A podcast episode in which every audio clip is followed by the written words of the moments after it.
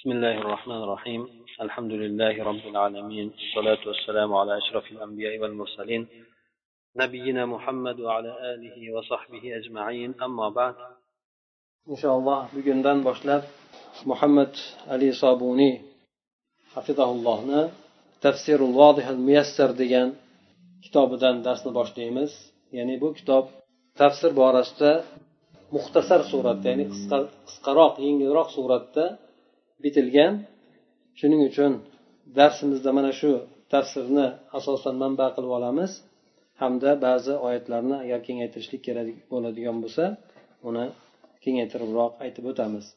Avvalo bu muhammad ali sobuniy to'g'risida u kishini tarjimai holi haqida gapirib o'tadigan bo'lsak bu kishini tug'ilgan yillari bir ming to'qqiz yuz o'ttizinchi yilda suriya diyorida halab degan shaharda tug'ilgan ekan bu kishi. Halab shahrida hamda bu kishini o'sha yoshligidan tug'ilgan xonadoni ilm xonadoni deb e'tibor qilingan u kishini otalari ham katta bir olimlar bo'lgan ekan. Bu kishi yoshlik paytidan boshlab ilmni yaxshi ko'rib hamda o'sha o'sha davrdagi bo'lgan olimlarni darslariga qatnashgan holatda ko'plab ilmni o'ziga hosil qilgan ekan. Bu kishi umumiy suratda maktab darsligini boshlang'ich maktab mutavassita bularda mutavassita deb aytadi. Ya'ni o'rta maktab hamda sanaviya deydi bu yerdagi gimnaziya deb e'tibor qilamiz. Ana o'sha narsalarni yaxshi suratda juda ham oliy darajada bitirib o'tgandan keyin o'sha suriyadagi vaqf ministrligi tomonidan bu kishini azharga o'zini nafaqasida ya'ni o'sha vazorat ya'ni ministrlik o'zini nafaqasida azharga o'qishga jo'natgan ekan. Bu kishi azharni shariat fakultetida bir ming to'qqiz yuz ellik ikkinchi yilda oliy daraja bilan bitirganda bir ming to'qqiz yuz ellik to'rtinchi yilda esa yuqori malakali mutaxassis bo'lib o'sha yerdan diplomni olgan ekan ya'ni hozirdagi doktorlik darajasiga barobar keladi deb aytishadi. Ana undan keyin azhardagi o'qishdan qaytgandan keyin o'zidagi bir madrasada islomiy saqofat ma'rifat mana shu narsalardan dars beradigan ustoz qilib saylanganda taxminan yetti yilcha dars berib turib undan keyin saudiya arabistoniga yollanma o'qituvchi qilingan holatda suriyadan jo'natilgan ekan kelishma kelishuv asosida. Saudiyaga borgandan keyin u yerda universitetda ko'proq dars bergan ekan. Bu makkadagi bo'lgan universitet keyincha umul quro deb e, nomlangan bu universitet. Bu yerda taxminan yigirma sakkiz yil atrofida dars bergan ekan. Undan tashqari yana bu kishini makkada ya'ni masjidil haromda darslari bo'lgan asosan tafsirdan darslari bo'lgan. Keyin robita olami islomiyada ijozul ilmiy fil qur'oni va sunna ya'ni qur'oni karim sunnat payg'ambar sallallohu alayhi vasallamni sunnatlaridagi ijoz ya'ni mo'jiza tomonini bayon qiluvchi ilm mana shu narsa to'g'risida o'sha robita olam islomiyada ishlagan ekanlar. Mana undan keyin bu kishi asosan e, keyingi umrlarida kitob yozishlik uchun astoydil bo'lgan u kishini o'ttizdan ortiq kitoblar bitilgan kitoblarning muallifi hisoblanadi. Buni ichida qur'onga aloqador bo'lgan kitoblari ham bir qanchadir. Shulardan birisi mashhur bo'lgani safat tafosir deydi. Lekin bu kitobni ba'zi xatoliklari bo'lganligi uchun ba'zi olimlar tomonidan e, o'sha xatoliklari bayon qilingan o'rinlari bo'lgan. Lekin e, bu kishi borib borib turib mana bu oxirgi yozgan kitoblari bo'ladigan bo'lsa o'sha avvaldagi topilgan xatolarini to'g'irlab e, o'sha e'tiqod masalalari borasida bo'ladigan bo'lsa ham o'sha narsalardagi o'zlarini xatolarini to'g'irlab chiqqan ekan. Shuning uchun bu oxiridagi muxtasar bo'lgan kitobi o'sha ahli sunnani e'tiqod tomonidan ham ilm ma'rifat tomonidan ham ahli sunnani yo'liga to'g'ri keladi deb olimlar aytishgan. Shuning uchun shu kitobni biz tanlay qoldik. Bu kishi ikki ming yettinchi yilda dubaydagi qur'onga xizmat qilishlik mukofoti bor. Katta olamiy bo'lgan mukofot hisoblanadi. O'sha mukofotni sohiblari ham bo'lganlar. Hozirgi paytda asosan kitob yozishlik bilan bu kishi shug'ullanadi. Juda ham e, adabiyot sohasida mutaxassis hisoblanadi yozgan kitoblarida. Juda bir foydali bo'lgan e, adabiyot arab adabiyotiga tegishli bo'lgan juda yam foydali bo'lgan narsalarni ko'p yozadi. Hamda bu kishini uslublari ko'proq oddiylashtirilgan ya'ni soddalashtirilgan uslub hisoblanadi. Shundan bu kishi hozir yozib tugatayotgan narsalari e, bu sihoh sitta deydi. Oltita o'sha hadislar to'plami imom buxoriyniki imom muslim termiziy abu dovud nasoiy ibn moja bo'ladigan bo'lsa shularni yengillashtirilgan uslubdagi sharhi degan kitoblarini chiqaryapti ekan. Ba'zilarini e, alloh alam chiqargan ham imom buxoriyni sahiylariga bergan sodda sharh suratida undan keyin qolganlarini hozirgi paytda nima ostida ekan? Chop qilinishlik ostida yoki tugatilishlik arafasida turibdi ekan. kechagi kuni yaqinda bitirgan nimasi imom termiziyni sunanlarini yengillashtirilgan suratdagi sharhini yaqin kunda shu bir ikki oy oldin tugatgan ekanlar bu kishi endi bu kishini kitoblariga kirishib aytadigan bo'lsak muqaddimasidan o'qib bundan aytib o'tib ketamiz بسم الله الرحمن الرحيم المقدمة الحمد لله أنار بكتابه المبين عقول عباده المؤمنين والصلاة والسلام على إمام الأنبياء والمرسلين سيدنا محمد وعلى آله وصحبه أجمعين وبعد الله تعالى حمد بوسن alloh taolo o'zini bu mubin kitobi mubin degani hamma narsani oshkor suratda bayon qiluvchi kitobi bilan ya'ni qur'oni karim bilan mo'min bo'lgan bandalarini aqllarini munavvar qilgandir mana shunday bo'lgan zotga hamd bo'lsin deydi Ya'ni alloh taolo o'zini mo'min bo'lgan bandalarini aqllarini qur'oni karim bilan munavvar qilgan. Haqiqatdan qur'oni karim insonlar uchun hayoti mobaynida hamma sohalarda zarur bo'lgan ilmni olib kelgan. Keyin e, payg'ambarlar hamda elchilarni imomi bo'lmish muhammad sollallohu alayhi vasallamga saloti salomlar bo'lsin. U kishini o'zlariga ham oilalariga ham sahobalarni hammalariga ham salot salomlar bo'lsin deydi. Demak allohni salot salomni aytishligi alloh taolo payg'ambar sallallohu alayhi vasallamga salovat aytishligi bu o'zini huzuridagi bo'lgan zotlarni ichida ya'ni farishtalarni ichida alloh taolo payg'ambar sallallohu alayhi vasallamni maqtashligini aytiladi bandalar tomonidan salovat bo'ladigan bo'lsa alloh taolodan u kishiga rahmat bilan duo qilishlik bo'ladi فإن المسلمين اليوم في أمس الحاجة إلى فهم كتاب الله العظيم والتمسك به في في عصر طغت فيه المادة وتاهت فيه البشرية في خضم المادية فانحرفت عن هداية الله ما عنا بين أيديهم. هذا النور الإلهي الوضاء المنقذ لهم من الشقاء. لذا كان لزاما على العلماء أن يعيدوا الأمة أمة الإسلامية إلى مركز عزها وسيادتها وذلك بالارتباط بكتاب ربها الذي فيه السعادة والنجاح والفلاح. البتة كندجة مسلم الله robbilarini mana bu buyuk kitobini tushunishlikka uni mahkam tutishlikka juda ham muhtojdirlar. Ya'ni musulmonlar bugungi kunda judayam muhtoj alloh taoloni kitobini tushunib uni mahkam tutishlikka. Sababi bu kitobda insonni shu hayoti dunyoda ham oxiratda ham baxt saodatini topishlik manhaji bordir. Xosatan mana shu hozirgi bo'lgan davrimizda. Bu davrda materiya ya'ni moddiyat hamma yoqqa tug'yon qilgan. Ya'ni hamma narsa moddiyatga bog'lanib qolgan. Hamda insoniyat ham o'sha moddiyatparastlik ummoniga ummonida tohat degani adashib ketgan degan ma'nosida. Ya'ni o'shanda gandiraklab yuribdi degani. Ya'ni moddiyat ummonida insoniyat gandiraklab yurilgan shunday bir davrda musulmonlar judayam muhtoj dedi.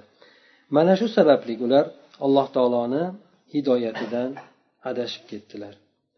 Garchi ularni qo'llarida mana bu ilohiy bo'lgan nihoyatda yorqin bo'lgan nur bo'lsa hamki ham ularni baxtiqarolikdan qutqaruvchi bo'lgan ilohiy yorqin nur ularni qo'llarida bo'lishligi bilan birgalikda ular alloh taoloni hidoyatidan burilib ketdilar. Shu sabab ulamolarga olimlarga islom ummatini o'zini avvaldagi azizlik hukmronlik markaziga qaytarishliklari lozim bo'lib qoldi. Bu esa albatta robbilarini kitoblariga bog'lanishligi bilan bo'ladiki bu kitobda insonlarni baxt saodatlari zafar omad muvaffaqiyatlari bordir. Alloh taolo aytadiki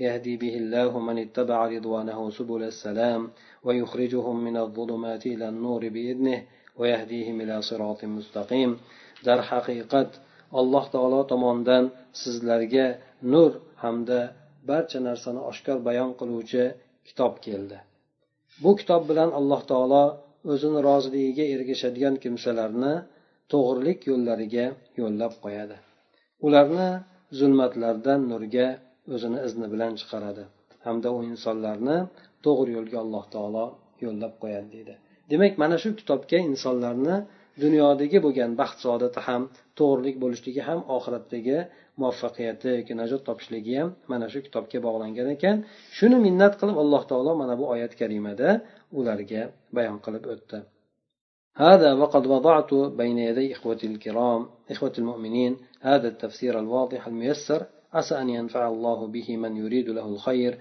وهو تفسير يجمع بين المأثور والمعقول بأسلوب سهل ميسر يفهم الخاص والعامة والله أسأل أن ينفع به ويجعله خالصا لوجهه الكريم ويوفقنا لخدمة كتابه ودينه والله من وراء القصد. mana shu narsalarni yuqorida aytib o'tgan narsalarimga e'tibor qiling bularni anglab yeting men mo'min birodarlarimni oldiga mana bu ravshan bo'lgan yengil bo'lgan tafsirni qo'ydim. Shoyatki alloh taolo bu kitob bilan qaysi bir kimsaga yaxshilikni iroda qilgan bo'lsa manfaatlantirsa o'sha bandani. Bu tafsir ikki xil tafsir uslubini o'zida jamlagandir. Birisi rivoyat orqali qilinadigan tafsir bo'lsa ikkinchisi fikrlashlik orqali qilinadigan tafsir. Mana shu ikkalasini o'rtasini judayam yengil oson uslub bilan jamlagandir. Buni xos bo'lgan tolib ilmlar ham omma tolib ilm bo'lmagan omma odamlar ham hammasi tushunaveradi. Men alloh taolodan mana shu kitob bilan foydalantirishligini o'zini ulug' yuzi uchun xolis qilishligini hamda bizlarni esa robbi kitob o'zini kitobi dinini xizmatiga muvaffaq qilishligini so'rab qolaman. Alloh taolo bizni qasdimizni ortidadir. Ya'ni biz qasd qiladigan zot alloh taolo uchundir deb aytyaptilar xodimul kitob va sunna shayx muhammad ali sobuniy demak kitob sunnatni xodimi xizmatchisi shayx muhammad ali sobuniy deb aytib o'tadi. Demak mana bu muqaddima. Muqaddima o'zi nima uchun keltiriladi desa muqaddimada o'sha kitobda aytilishligi kerak bo'lgan kitobni qisqagina mavzusini aytib o'tib ketadi. Ya'ni kitobda nima narsa qilganligini yoki bo'lmasa bu kitob qanchalik ahamiyatga ega ekanligini inson o'sha muqaddamasida berib o'tib ketadi. Shuning uchun mana hozir aytib o'tamiz fotiha surasini alhamdu surasini qur'onni muqaddimasi deb aytiladi. Muqaddima degandan murod demak butun qur'oni karim o'z ichiga olgan hamma mavzuni xulosasini alhamdu surasida alloh taolo jamlab qo'ygan. Alhamdu surasiga sig'dirib qo'ygan. Ana shuning uchun alhamdu surasini ko'pchilik olimlar tafsir qilgan payti go'yoki bu qur'onni muqaddimasi ya'ni qur'onni o'sha qisqartirilgan suratdagi mana shu ko'rinishi deb aytishib o'tadi. Bu kishi ham o'zi har bir odam muqaddima yozgan paytda o'sha kitobni ahamiyati yoki unda beriladigan narsalar haqida aytib o'tadi. Mana bu yerda ham albatta bu kitobni o'qishlik tushunishlikni zaruriyati to'g'risida qisqacha ma'lumot berib o'tib ketdi. Demak har bir inson dunyoda ham oxiratda ham agar zafar topaman desa baxt saodatga erishaman desa bu kitobni avvalo tushunishlik kerak keyin o'sha kitobga amal qilishlik kerak. Mana shu ikki narsa juda ham inson uchun muhim. Amal qilishlik uchun esa hozir mana biz aytib o'tadigandek inson o'sha oyatlarni tushunishligi kerak bo'ladi. Mana bu bilan demak e, bu tafsirlarini boshlayaptilar. Auzu billahi minash shaytonir rojim. Demak birinchi qur'onni o'qishlikdan oldin alloh taolodan panoh so'raladi. Kimdan deb aytiladigan bo'lsa shaytondan panoh so'raladi. Sababi nima uchun audu billahi minash shaytonir rojim deb aytadi inson? Nima uchun? Alloh taolodan inson qur'on o'qishligida panoh so'raydi. Buni haqida qisqaroq aytib o'tadigan bo'lsak albatta inson alloh taologa iltijo qilgan holatda aytmoqchi bo'ladiki parvardigor olam bu yerda bir dushman borki uni faqatgina sengina biz uni ko'rmaydigan lekin u bizni ko'radigan bir dushman bor. Bu dushmanni asosan hayotdagi maqsadi mo'min bo'lgan bandalarni allohni zikridan to'sishlikdir. Ularni yomonlikka undashlik omonlikka qiziqtirishlik yaxshilikdan esa to'sishlik bo'ladi. Ana o'shanday bo'lgan dushmandan seni kitobingni o'qiyotgan paytimda seni zikringni qilayotgan paytimda foydalanishligim oldini yoki bo'lmasa o'qishligim uni e, zikr qilishligim oldini to'sib qolmasligi uchun sendan panoh so'rayman deb musulmon odam iltijo qiladi. Ana o'shandek demak alloh taolo ham mana shu narsaga buyurib o'tgan mana hozir keladi. Aytadiki tafsirul istioda ya'ni istiodani ya'ni azu billahi minash shaytonir rojim deb aytishlikni tafsiri to'g'risida. Istiodatu laysat ayatan min ayatan min al qur'on demak azu billahi minash shaytonir rojim deb aytishlik bu qur'ondagi bir oyat emas. va adabun amarallohu taala bih balki bu alloh taolo buyurgan odobdir auzu billahi minash shaytonir rojim deyishlik bu odob hisoblanadi ya'ni qur'on o'qishlikni odobi hisoblanadi قبل البدء بتلاوة القرآن بقوله فإذا قرأت القرآن فاستعذ بالله من الشيطان الرجيم inson qur'onni o'qishlik tilovat qilishlikni boshlashlikdan oldin alloh taolo aytishligiga buyurgan odob hisoblanadi Bu narsani esa alloh taolo ushbu so'zida aytib o'tganki agar siz qur'on o'qimoqchi bo'ladigan bo'lsangiz alloh taolodan o'sha malum bo'lgan allohni la'natiga uchragan shaytondan panoh so'rang dedi. Demak alloh taolodan alloh taologa iltijo qilib alloh taolo saqlashligini o'sha shaytondan saqlashligini so'rang deb alloh taolo aytgan. Mana shu oyatga binoan bizlarni buyurgan bu odobi deb aytiladi. Buni ma'nosi esa shuki أعوذ بالله من الشيطان الرجيم. deb aytishlikni ma'nosi shuki أستجير وأعتصم بالله من شر شيطان المرجوم العاتي المتمرد أن يضرني بهمزه ولمزه ووساوسه فإن الشيطان لا يرده عن الإنسان إلا الله رب العزة والجلال. buni ma'nosi shuki men alloh taolodan himoya so'rayman va alloh taolo bilan himoyalanamanki bu marjum degani toshbo'ron qilingan degani allohni rahmatidan toshbo'ron qilib quvilgan shaytonning yomonligidan. Bu shaytonni sifati ati ati degani mutakabbir degani o'zini judayam baland oluvchi bo'lgan. Mutamarrid degani qaysar ollohni hech qaysi bir buyrug'iga bo'ysunmaydigan mana shunday bo'lgan shaytonni yomonligidan alloh taolo bilan himoya so'rayman alloh taolo bilan himoyalanaman degani. Bu shayton albatta insonga zarar qiladi. Ya'ni menga hamza bilan hamza degani bu teginishligi degani. Bir odam bunaqa chumchilab teginishlikda hamz deyiladi. Ya'ni teginishligi. Lamz bo'lsa fasod qilishligi ya'ni yomonlik bilan tegishligi yomonlik qilishligi fasod qilishligi. Hamda uni vasvasalar bilan menga zarar qilishligidan alloh taolodan himoya so'rayman. Chunki shaytonni insondan qaytarolaydigan zot faqatgina azizlik ulug'lik robbisi bo'lgan alloh taolodir deb aytadi demak alloh taolodan boshqa hech bir kimsa insonni shaytondan himoya qilib qololmaydi shuning uchun alloh taoloni o'ziga iltijo qilib parvardigori olam meni saqlagin shu shaytonni yomonligidan deydi bundan yana shaytonni qiladigan ishi bilasizlar إنما يريد الشيطان أن يوقع بينكم العداوة والبغضاء في الخمر والميسر ويصدكم عن ذكر الله ya'ni shaytonni qiladigan ishi to'g'risida aytib o'tildiki insonlarni o'rtasiga adovat solishlik. Bir biri bilan urush qo'zg'ab qo'yishlik fitna solishlik. Hamda shu bilan birgalikda alloh taoloni zikridan to'sishlik ibodatdan to'sishlik mana shu shaytonni qiladigan ishi. Ertayu kech qiladigan shug'ullanadigan aytaylik bu heltit ishi mana shu narsa bo'ladi. Boshqa ishi yo'q buni. Faqatgina mana shu narsa bilan shug'ullanadi. Ana o'shanday bo'lgandan keyin inson ko'rmasdan shayton insonga kelgandan keyin faqatgina alloh taolodangina yordam so'rab buni himoyalanadi bundan himoyalanadi. Aks holda boshqa insonni himoya qiladigan bundan himoya qiladigan narsasi yo'q. Bismillahi rohmanir rohim endi alloh taolo nomi ya'ni rahmdil bo'lgan mehribon bo'lgan allohni nomi bilan boshlayman degan mana bu oyat karimani tafsiri to'g'risida. Bismillohni basmala degani bismillahi rohmanir rohim deb aytishlik shuni مصدر basmala bo'ladi shuni tafsiri ay أي أبدأ بسم الله العظيم الجليل musta'inan به جل جلاله في جميع أموره طالبا منه العون فإنه الرب المعبود ذو الفضل والوجود الرحمن الذي وسعت رحمته كل شيء الرحيم الذي يرحم عباده المؤمنين يوم لا ينفع مال ولا بنون إلا من أتى الله بقلب سليم. يعني بسم الله الرحمن الرحيم دجانا من buyuk bo'lgan ulug' bo'lgan ollohni nomi bilan boshlayman. Har qanday ishni mana payg'ambar sallallohu alayhi vasallamdan keladilar hadislarda ham keladi bismillohsiz aytiladigan ish noqisligi to'g'risida. Albatta inson qaysi bir yaxshi ishni boshlaydigan bo'lsa bismilloh kalimasini aytib boshlashligi bu sunnat hamdir. Nafaqat qur'onni tilovati balki hamma yaxshilik bo'lgan ishlarni boshlashlikda allohni nomini aytib boshlashlik bu mustahab sunnat bo'lgan narsadir. Bu bilan men hamma ishlarimda alloh taoloni nomi bilan yordam so'ragan holatda boshlayman degani alloh taolodan avnini ya'ni avn degani ham yordam degan ma'nosida yordam talab qilgan holatda alloh nomini aytib boshlayman.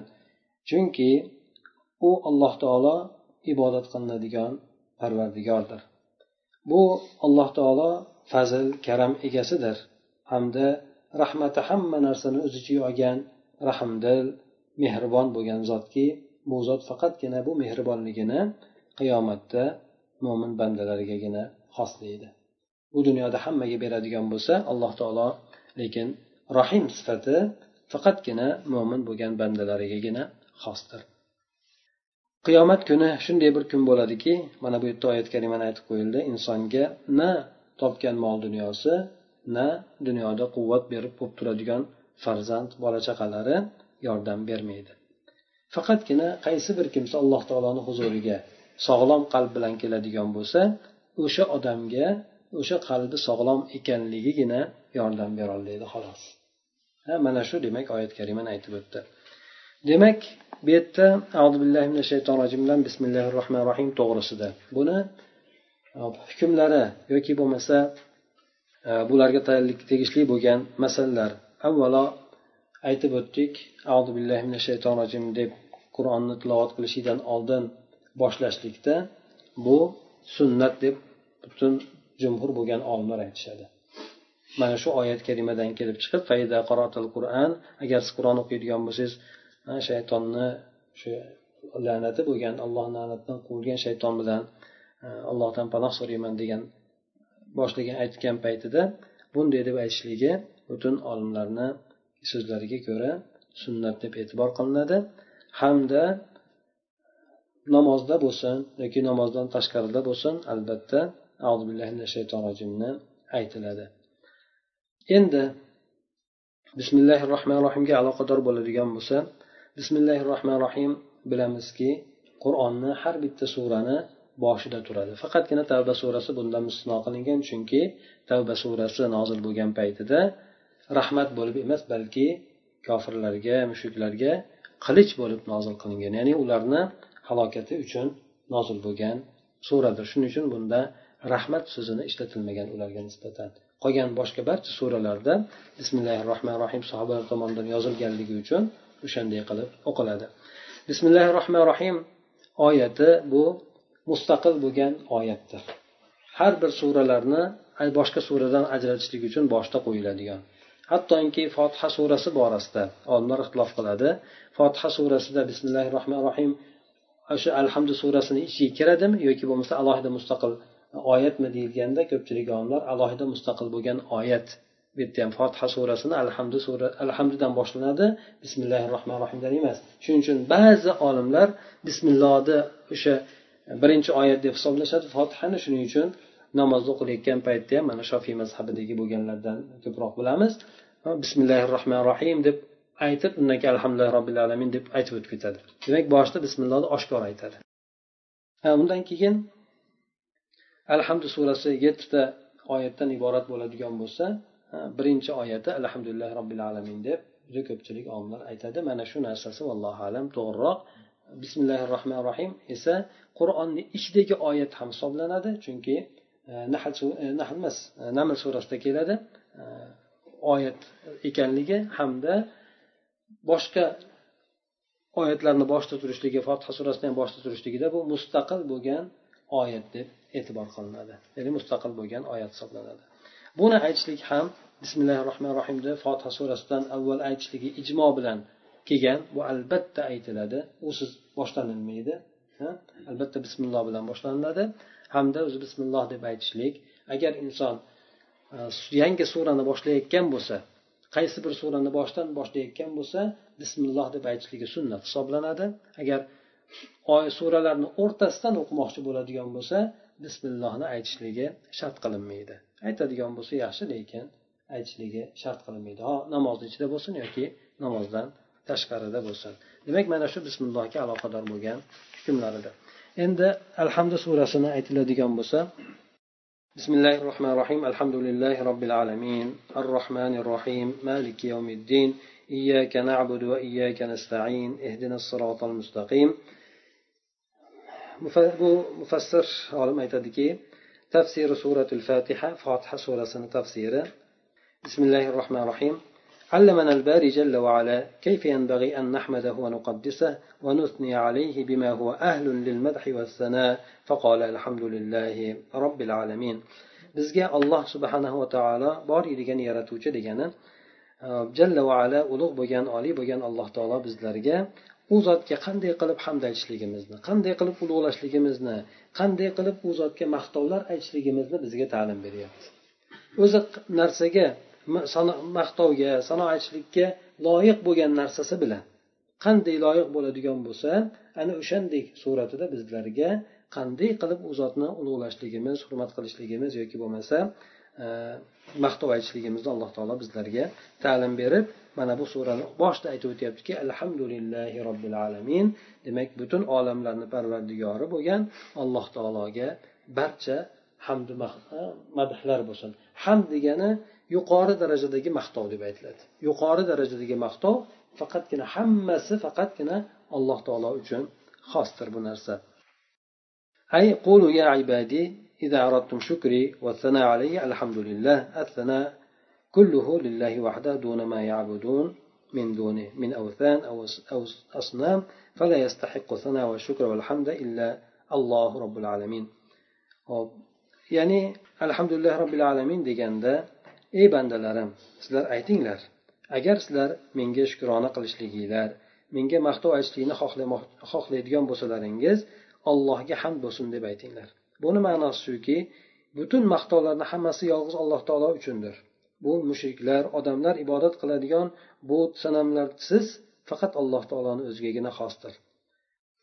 Maqtovga to'liq shukrona aytishlikka hamdu sano aytishlikka faqatgina butun olamlarni parvardigori bo'lgan alloh taologina haqlidir. Aytilishligiga alloh taologina haqlidir. Bu alloh taolo butun maxluqotlariga turli tuman ne'matlarini fazli marhamatlarini to'kib solgandir. Alloh taolo xoliq butun koinotdagi bo'lgan narsalarni hammasini yaratgan zotdir. Yaratishlik bilan dunyoga keltirishlik bilan o'zi yolg'iz boshqaruvchidir shuni tasarruf etuvchisidir. Bu zot farishtalarning ham insonlarning ham jinlarning ham qushlarni vahshiy hayvonlarni butun maxluqotlarni robbisidir. Ya'ni nima uchun robbil alamin olamin deb aytiladi? Butun olamlarni parvardigor deganda har bir alloh taolo yaratgan maxluqotlar o'zi bir olam. Hayvonlar bir olam e, insonlar bir olam jinlar bir olam qushlar boshqa butun maxluqotlari jonsiz bo'lgan bo'lsin jonli bo'lgan bo'lsin hamma maxluqotlar o'zi bir olam hisoblanadi olam deganni nomi olimlar aytishadiki bu alloh taoloni bor ekanligiga dalolat alomat belgi. Mana shuning uchun olam deb aytilgan. Mana shu narsalarni butun yaratgan narsalarni hammasi keltirib turib ana o'shalarni tarbiya kunandasi bo'lgan tarbiya qiluvchisi butun hammasini rizqini beruvchisi bo'lgan yaratuvchisi bo'lgan alloh taologa maqtovlar bo'lsin hamdu sanolar bo'lsin deb aytilyapti. Ar rohmanir rohim endi mana bu ikkala kalima to'g'risida aytib o'tadi. Bu alloh taoloni go'zal ismlaridan ikkita ismdir. Rohman degani bu rahman degani ham ikkalasi ham rahmat kalimasidan olingan. Rahim ham rahmat kalimasidan olingan. Lekin orasida ozroq farqi bor. Bu yerdagi bo'lgan farq shuki rahmon degani alloh taoloni zotiy sifatidir. Faqat alloh taoloni o'zigagina xos bo'lgan sifatdir. Ya'ni bu alloh taolo allazi vasiat rahmatuhu kulli shay uni rahmati hamma narsani o'z ichiga olgan zotni alloh taoloni o'zini zotiga aloqador bo'lgan sifatidir. Lekin buni fazli esa butun maxluqotlarni hammasiga ommatan bo'lgan. Ya'ni bandalarga inom etgan yaratishlik ne'mati bo'ladimi? Rizq berishlik hidoyat qilishlik ya'ni to'g'ri baxt saodat yo'liga hidoyat qilishlik. Mana shu ne'matlari bilan butun maxluqotlarni hammasiga alloh taoloni fazli ommatan bo'lgan ana o'sha narsalarni hammasi alloh taoloni o'sha rahmat sifati bilan xosatan rahmon sifati bilan bog'liq bo'lgan narsalardir. Rohim esa bu qiyomat kunida mo'min bandalarni o'z rahmatiga oladi degan ma'noni anglatadi. Rahmon va kana bil mu'minina rahiman deb keltiradi oyat karimada alloh taolo mo'min bandalariga rahmdil bo'lgan deb aytiladi. Rahmon bu yadullu ala annahu subhanahu muttasifun bir rahmati bidatihi muqaddasa. Demak alloh subhanava taolo o'zini muqaddas bo'lgan zoti bilan o'zligi bilan sifatlangan e, ekanligiga dalolat qiladi. Rohim esa bandalariga aloqador bo'lgan sifatiga sifatini anglatadi. Demak rahmat alloh taoloni o'zi bo'lsa yaratishlik bu alloh taoloni rahmonligi bilan bo'lgan. Odamlarga rizq berishlik bular hammasi alloh taoloni rahmon ekanligi bilan bo'lgan bo'lsa rahmat sifati bo'ladigan bo'lsa xosatan bu dunyoda beradigan bo'lsa kofirlarga ham mo'minlarga ham beradigan narsasi lekin mo'min bandalar uchun rahmdillik qilishligi faqat o'sha qiyomat kunida mo'min bo'lgan bandalargagina xos deb keltirib o'tiladi. Ya'ni bir biriga judayam yaqin bo'lgan ma'noda rahmon hamda rahim sifati shuning uchun ba'zilar aytadi rahmon deganda e, hammasi alloh taologa muhtoj bo'ladigan alloh taolo hech kimga muhtoj bo'lmaydigan faqatgi bir mehribon bo'lgan zot ham deb aytiladi. Lekin ikkalasini ham bog'lanishlik uslubi bir narsadan kelib chiqqan alloh taolo rahmdilligidan. Endi alloh taolo rahmdilligi to'g'risida aytadigan bo'lsak hadislarda keladi alloh taoloni rahmati yuz bo'lak deb aytiladigan bo'lsa o'shandan bir bo'laginigina alloh taolo dunyoga tushirgan. Ana o'shandan inson o'zini farzandiga bo'lgan mehribonligi qush o'zini bolasiga bo'lgan mehribonligi hayvon bo'ladi nima bo'lsa o'zini bolasiga yoki o'zini yaqinlariga bo'lgan mehribonchiligini hammasi o'sha alloh taolo nozil qilgan bir bo'lakda taqsimotlari. Shuncha butun dunyodagi hamma bo'lgan mehribonchilik. Qolgan to'qson to'qqiztasini alloh taolo olib qo'ygan kimga olgan? Mo'minlarga olib qo'ygan. Shundan tasavvur qilsak bo'laveradi. Alloh taolo mo'minlarga qanchalik mehribonlik ko'rsatishligini qiyomat kunida. Tasavvur qilib bo'lmaydigan darajada. Shuning uchun alloh taolo mo'min bandalarga qilayotgan rahmatini ko'rib turib hatto iblis ham umidvor bo'lib qolar ekan. Men ham kirib ketib qolamanmikin jannatga deb. Ha? Shunchalik darajada alloh taolo keng rahmat qilganligida. Buni esa alloh taolo faqat o'sha o'ziga iymon keltirgan amal qilgan bandalarigagina xos dedi xolos boshqalarga emas. Rizqlar boshqa narsalar berishligi hammasi mana shu alloh taolo bir bo'lak rahmatni turidan hisoblanadi. Ana undan keyin malik yomiddin qiyomat kunini podshosi deb keltiradi. Ay alloh subhanava taolo hisob kunini mukofot jazo kunini egasidir. Qiyomat kuni alloh taolo xuddi mulkdor bo'lgan odam o'zini mulkida qanday tasarruf qiladigan bo'lsa o'zini xohlagandek qilgani kabi o'zingizni mulkingiz xohlasangiz tashlab yuborasiz xohlasangiz yondirib yuborasiz o'shanday alloh taolo bandalar o'rtasida xuddi mulkdor odam o'zini mulkida tasarruf qilgani kabi qiyomat kunida tasarruf qiladi dedi. Buni oyat karimada keltirib o'tiladiki ya'ni bugungi kundagi mulk podsholik egalik kimniki ekan deb alloh taolo o'zi aytadi. Ya'ni dunyo tugab sur chalingandan keyin hamma inson o'lib ketgan paytida alloh taolo o'zi xitob qiladi. Ey dunyo podsholari mulk kimniki ekan podsholik kimniki ekan deydi. Hech kimdan hech qanaqangi bir zvon chiqmaydi ovoz chiqmaydi. Alloh taolo o'zi yana aytadiki hamma narsani bo'ysundirib qo'yuvchi hamda yagona bo'lgan alloh taolo uchundir deb alloh taolo aytadi. Demak o'shanday bo'lgan kunda hamma o'lib ketgan hech kim qolmagan alloh taolo o'zigina barhayot. Shu zot o'sha kunda shunday deb odamlardan so'raydi hamda hech kim javob bermagandan keyin o'zi aytadi. Demak alloh taolo qiyomat kunini egasidir. Ana endi bunday qaraydigan bo'lsak insonlarni ikkita narsa keltirib o'tyapti bu yerda birdan qiziqtirishlik bor allohni rahmatiga. Ikkinchi tomondan insonlarni qo'rqitishlik bor. Qo'rqitishligi qiyomat kunini egasi deb turib. Alloh taolo rahmatiga odamlarni qiziqtirdi. Alloh taolo rahmati bor keng rahmatiga oladi deb ar rohman rohim ana undan keyingi sifati esa malik yomiddin qiyomat kunini podshosi qiyomatdan eslatdiki qiyomat kuni judayam bir dahshatli bo'ladigan kun. Demak bu yerda qur'oni karim ikki narsani o'z ichiga oldi. Mana shu oyat karimada. Bir biriga qo'shni bo'lgan oyatlarda. Bir tomondan insonni qiziqtiradigan ko'nglini xotirjam qiladigan bo'lsa ikkinchi tomonda insonni qo'rquvga soladigan ha insonni o'ylantirishlikka majbur qiladigan ikkinchi oyatdir. Ana undan keyin alloh taolo aytib o'tadi. Biz sengagina ibodat qilamiz sendangina yordam so'raymiz dedi. Ya'ni buni ma'nosi seni ey robbimiz ibodat bilan seni yolg'iz o'zingnigina xoslaymiz. Sendan boshqa birontasiga ibodat qilmaymiz. Shuningdek yordam so'rashlik bilan ham seni o'zingni xoslaymiz. Xolos seni o'zingdangina yordam so'raymiz. Boshqa bironta odamdan emas. Seni yolg'iz o'zinggagina biz hokisor bo'lamiz. Bo'ysunamiz. Nastakin va naqsha taslim bo'lamiz. Bo'yin egamiz. Va seni yolg'iz o'zinggagina o'zingdangina ey robbimiz nastain yordam so'raymiz. Bizni bizga dunyoyu din ishlarida o'zing yordamchi bo'lgin yordam bergin deb aytmoqchi bo'ladi. Demak mana bu oyat karimada iyyaka nabudu va iyyaka nastain sendangina ibodat sengagina ibodat qilib sendangina yordam so'raymiz deganda olimlar aytishadiki mana shu kalimani o'zi mana shu oyatni o'zi butun dinni hammasini o'z ichiga jamlagan deydi. Din mana shundan iborat. Alloh taologa ibodat qilishlik alloh taolodan yordam so'rashlik. Mana shu narsa din mana shu oyat shu dinni jamlagan deydi din mavzusi shuning uchun ibodat hamma olloh nima narsaga buyurgan bo'lsa nima narsadan qaytargan bo'lsa qaytargandan tiyilishlik aytganini qilishlik shu narsa din ibodatdir. Ha faqat shu narsalar kimga qilinadi? Allohga qilinadi. Mana bu ibodatni eng mag'zidir faqat xudo uchun qilinishligi. Lekin bu narsalarda inson albatta albatta allohga suyangan holatda qiladi. Chunki alloh agar imkon bermasa tavfiq bermasa inson qilolmaydi. Mana shu ikkala narsani alloh taolo mana shu oyat karimada insonlarga jamlab berdi. Yuqorida demak alloh taolo bir qiziqtirdi odamlarni.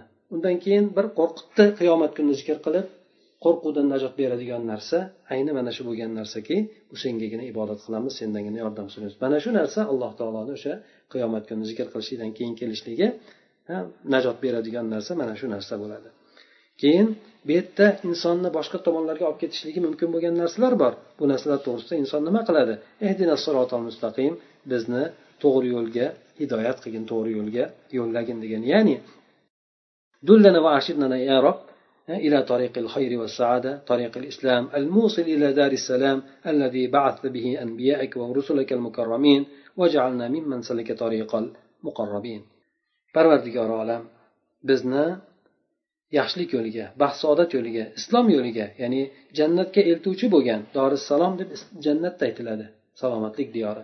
Jannatga eltuvchi bo'lgan islom yo'liga bizlarni yo'llab qo'ygin mana shu yo'ling bilan sen butun payg'ambarlaringni ulug' bo'lgan payg'ambaru elchilaringni yuborgansan. Bizni ana o'shandek o'zingga yaqin bo'lgan bandalar yuradigan yo'llarga yuruvchilardan qilgin. Ya'ni sen ularga ne'mat ato etgan kimsalarni yo'liga bizni yo'llab qo'ygan bu seni hidoyatdagi bo'lgan bandalaringki ularga sen inom etgansan bular payg'ambarlardan siddiq shahid solih bo'lgan kimsalardan iboratki ana ana o'shanday kishilarga hamroh bo'lishlik qanday ham yaxshilikdir qanday ham yaxshidir deb keltiradi. Demak bu yerda payg'ambarlarni bilamiz. Siddiqlar kimlar? Siddiqlar bu ilmiga amal qiluvchi bo'lgan olimlarni aytishadi. Shahidlar ma'lum buni ham bilasizlar. E, janglarda shahid bo'ladigan kimsalar asosan yoki allohni yo'lida shahid bo'ladigan kimsalar bularni darajalari ham yuqori bo'ladi. Shuningdek solih bo'lgan kimsalar buni bilasizlar har bir yaxshi amali ko'proq bo'lgan mo'min odamlarni garchi gunohlari bo'ladigan bo'lsa ham bularni solih deb ataladi. Ana o'shanday kimsalar bilan birga bo'ladi. Ya'ni to'rtta darajani bayon qilib o'tdi. Birinchisi payg'ambarlar darajasi eng yuqori bo'lgan daraja. Bular hech qaysi bir oddiy bo'lgan inson u darajaga yetolmaydi oddiy bo'lgan insonlarni eng yuqori bo'lgan darajasi siddiqlar darajasi. Mana abu bakr siddiq eng yuqori kimsa bo'ladigan bo'lsa o'sha kishi yoki o'sha kishiga yaqin bo'lgan darajadagi kimsalar hisoblanadi. Shahidlarni aytib o'tdik uchinchi daraja hisoblanadi. Undan keyingilar esa e, jannat miqyosida solih bo'lgan kimsalarni turadigan martabalari bo'ladi. Qaysi bir martabaga tushadigan bo'lsa ham inson albatta najot topadi muvaffaqiyatga erishadi lekin keltirib o'tgandek inson yuqori bo'lgan darajalarga intilishlik kerak. Hech bo'lmasa siddiqlar yoki shahidlar bo'lgan darajasigacha. Hop lekin qaysi biri bilan bo'ladigan bo'lsa o'shani o'shalar hamroh bo'lishligi qandayyam yaxshi deb aytildi. Alloh taoloni g'azabi kelgan seni g'azabing kelgan kimsalar adashib ketgan kimsalarni yo'liga emas balki inom etgan kimsalarni yo'liga yo'llagin dedi. Bu yerda ay yahud alayhim. Sen g'azabing kelgan. Yahudlarni yo'liga emas. Yahudlar alloh taoloni g'azabini keltirgan. Sababi yahudlarni allohni g'azabiga uchrashligini sababi bular haqni bildi inkor etdi. Haqni bildi amal qilmadi. Shuning uchun bular allohni g'azabiga duchor bo'lishdi. Ular e, demak sen ularni maymunlarga cho'chqalarga aylantirib qo'yding. Alloh taolo bani isroilni ba'zilarini cho'chqa maymunlarga aylantirib qo'ygan. Sababi bular hiyla qilganligi. Hiyla qilganda ham ollohni aldamoqchi bo'lganliklari. Mana shu narsalar uchun bularni maymunlarga cho'chqalarga aylantirib qo'ygan. Albatta bir inson boshqa bir tabiatga aylanadigan bo'lsa olimlar aytishadiki uch kundan ortiq yashamaydi deydi bu nasllanmaydi uch kundan ortiq yashamaydi ham deydi ya'ni bu faqatgina ibrat uchun qilingan narsa ular uzoq muddat yashamaydi. Balki o'sha odamlarga bir ibrat bo'lib ko'ringandan keyin bular hammasi halok bo'lib ketadi deydi. Ya'ni ular nasllanmaydi boshqa bo'lmaydi. Ba'zi odamlarda har xil gaplar yurishadi yo'q noto'g'ri bo'lgan narsa. Hamda ikkinchisi esa nasoro. Xristian nasorolarni yo'lidan boshqasiga yo'llab qo'ygan chunki ular to'g'ri yo'l to'g'ri yo'lingdan adashib ketishdi. Iso alayhissalomga ollohsiz iso alayhissalomni o'ziga ibodat qilib yuborishdi. Olimlar aytishadiki mana shu ikkala toifani bu yerda zikr qilindi. Ya'ni alloh taoloni g'azabiga duchor bo'lgan shuningdek adashib ketgan kimsalar deb ya'ni bu ummatdan ham qaysi bir kimsa o'zi biladigan bo'lsayu bilib turib amal qilmaydigan bo'lsa butkul. Bu odamda yahudiylarga o'xshashlik bor. Qaysi bir kimsa ilm olishni ham xohlamaydi lekin shu bilan birgalikda o'zini havosiga ergashib adashib ketaveradigan bo'lsa bu insonda o'sha nasorolarga o'xshashlik bor deb aytishadi. Oyat aytadiki bu yerda garchi bu oyat bilan yahud nasorolar iroda qilingan bo'lsa ham bu narsa payg'ambar sallallohu alayhi vasallamdan sahih suratda ham kelgan. U kishi aytadilarki al yahud mag'dubi alayhim va nasoro dullal. Yahudlar bu alloh taoloni g'azabiga duchor bo'lgan kimsalar nasorolar esa xristianlar adashgan kimsalar deb aytilgan. Buni imom termiziy rivoyat qilgan lekin bu oyatni hukmi ommatan bo'ladi. Bu hamma zalolatga ketgan kofir bo'lgan mushrik bo'lgan ahli kitobdan bo'ladimi yoki butga sig'inadigan mushriklardan bo'ladimi? Hammasini o'z ichiga oladi dedi. Bu yerdagi qoida shuki ya'ni bu yerdagi e'tibor lafz so'zni umumiy suratda kelganligi xos sababni sababni xos bo'lganligi emas deydi ya'ni garchi payg'ambar sallallohu alayhi vasallam o'sha paytlarda bular yahudiylar nasorolar deb aytgan xristianlar deb aytgan taqdirida ham lekin bu yerdagi bo'lgan so'z ommatan kelganligi uchun bu hamma adashgan kimsalarni o'z ichiga olaveradi bu kitob. E, bu o'sha oyatda aytilgan degan so'zlar. Shu bilan shu ahli kitobdan bo'lsin yoki ahli kitob bo'lmagan mushriklardan butparastlardan bo'lsin hammasini o'z ichiga olaveradi dedi. Endi undan keyin e, fotiha surasini o'qigandan keyin omin deb aytiladi. Oxirida omin deyishligi bu oyat karimadan qur'oni karimdan emas bu ittifoq ma'nosi ey robbim bizni ey robbimiz bizni duoyimizni ijobat qilgin degan ma'noda bo'ladi. Shuning uchun e, bu qur'ondan bo'lmaganligi uchun mushafda u narsa qur'onda yozib qo'yilmagan. Lekin yusannu hatmu suratil karimati biha ya'ni qur'on e, surai karimani alhamdu surasini mana shu so'z bilan omin degan so'z bilan tugatishlik sunnat bo'ladi. Buni esa imom buxoriy payg'ambar sallallohu alayhi vasallamdan hadislarda rivoyat qilganki u kishi aytadilar agar imom g'oyril mag'dubi alayhim deb aytadigan bo'lsa sizlar omin deb aytinglar. Ana shu o'rinda qaysi bir kimsani omin deb aytgan so'zi farishtalarni omin deb aytadigan so'zga to'g'ri kelib qoladigan bo'lsa u insonni o'tgan gunohlari kechiriladi deb aytgan ekan. Demak shundan bilamizki insonlar namoz o'qiyotgan paytda farishtalar namoz o'qiydi.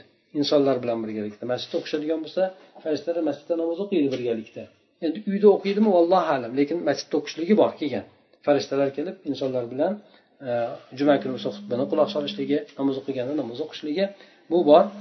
Endi o'shanda insonlar imom degan paytida omin deb aytishadigan bo'lsa farishtalar ham omin deb aytadi. Shunda farishtalarni omin deyishligi mo'minlarni ham omin deyishligi barobar tushib qolsa shu yerda o'sha aytgan barobar tushgan kimsalarni gunohlari kechiriladi dedi. Bu yerda ham vallohu alam payg'ambar sallallohu alayhi vasallam shu ummat hammasi bir bo'lishligini iroda qildi. Namozni safda bir xil turgandek ovozlari ham bir xil bo'lishligini chunki shu ham targ'ibda hamma bir xil aytishlikka bir xil ovoz berishlikka bo'lgan targ'ib. Mana shundan tushunsak ham bo'ladiki insonlar bir bo'lishligi ishlarida ham aytaylik ko'p narsalarda bir bo'lishligi bu shariatni talab qilgan narsasi qiziqtirgan narsasi. Hattoki mana aytib o'tdik namozda ham inson iloji boricha ovozini hamma bilan bir xil qilishligi shu bilan birgalikda ya'ni imomdan kechikmasdan imomdan oldin qilmasdan imom aytishligi bilanla aytish hamma bir xil aytishligi shu bilan birgalikda o'sha farishtalarni ovoziga ham insonni ovozi barobar kelishligi shu bilan insonlarni o'sha paytda qilgan avvalda o'tgan gunohlari kechirilishligi bu endi kichkina gunohlarga aloqador bo'lgan narsa chunki katta gunohlarni inson tavba qilishligi orqali kechirilishiga sabab bo'ladi. Ya'ni faqatgina tavba qilinadi. Agar ko'plab e, nimalarda gunohlarni kechirtiruvchi narsalar keladi. Namoz o'qiydigan bo'lsa keyingi namozgacha gunoh kaffora to'lishligi juma jumagacha bir haftalik gunohlar kaffora to'lishligi umra masalan umragacha bo'lgan gunohlar kafforat bo'lishligi bu narsalar hammasi kichkina gunohlar sabab bo'ladi kechirilishiga sabab bo'ladi. Katta gunohlar uchun albatta inson tavba qilishi kerak bo'ladi. Mana shu demak e, bizda fotiha surasi nodi tafsiri.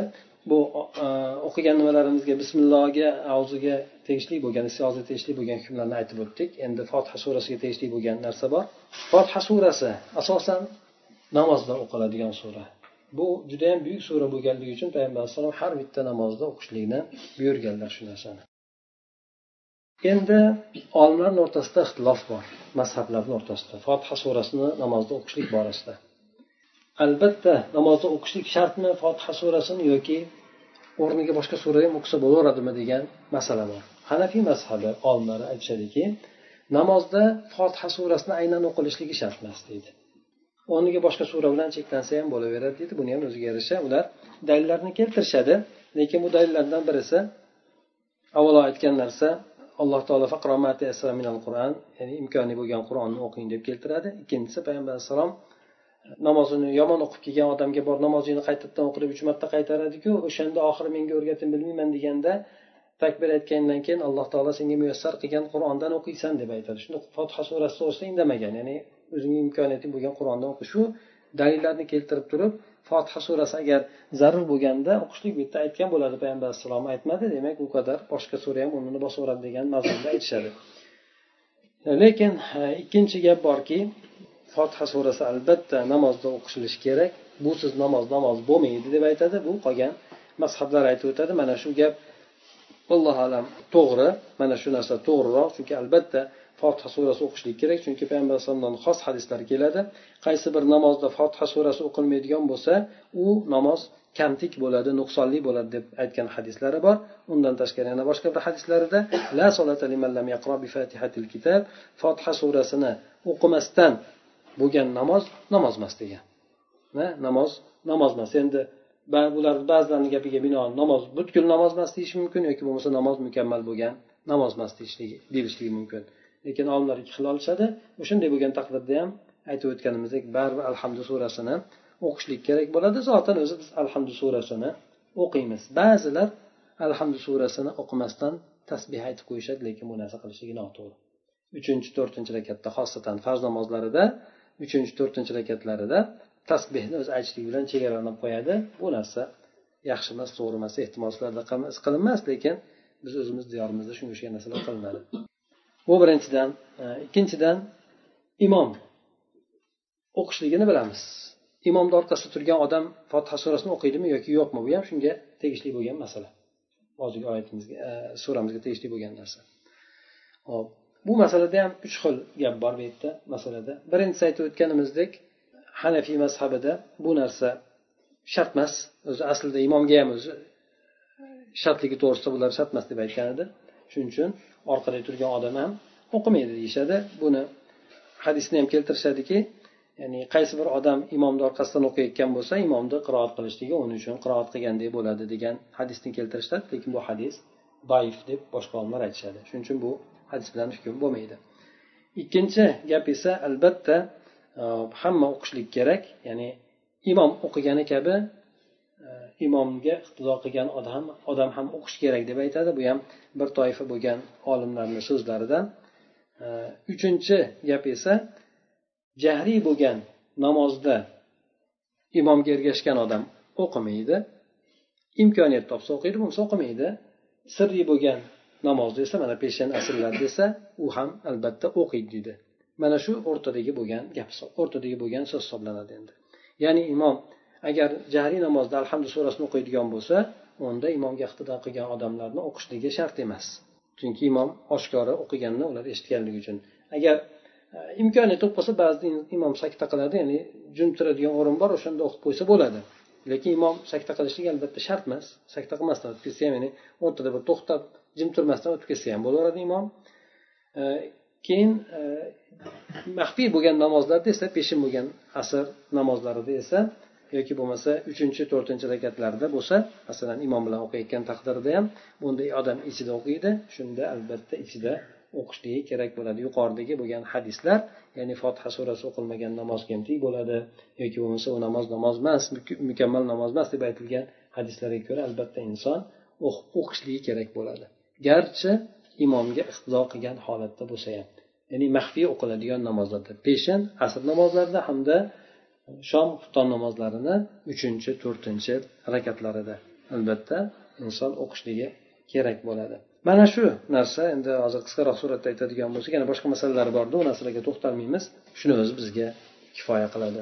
سبحانك اللهم وبحمدك نشهد أن لا إله إلا أنت نستغفرك ونتوب إليك. اللهم انفعنا بما علمتنا وعلمنا ما ينفعنا وزدنا علما.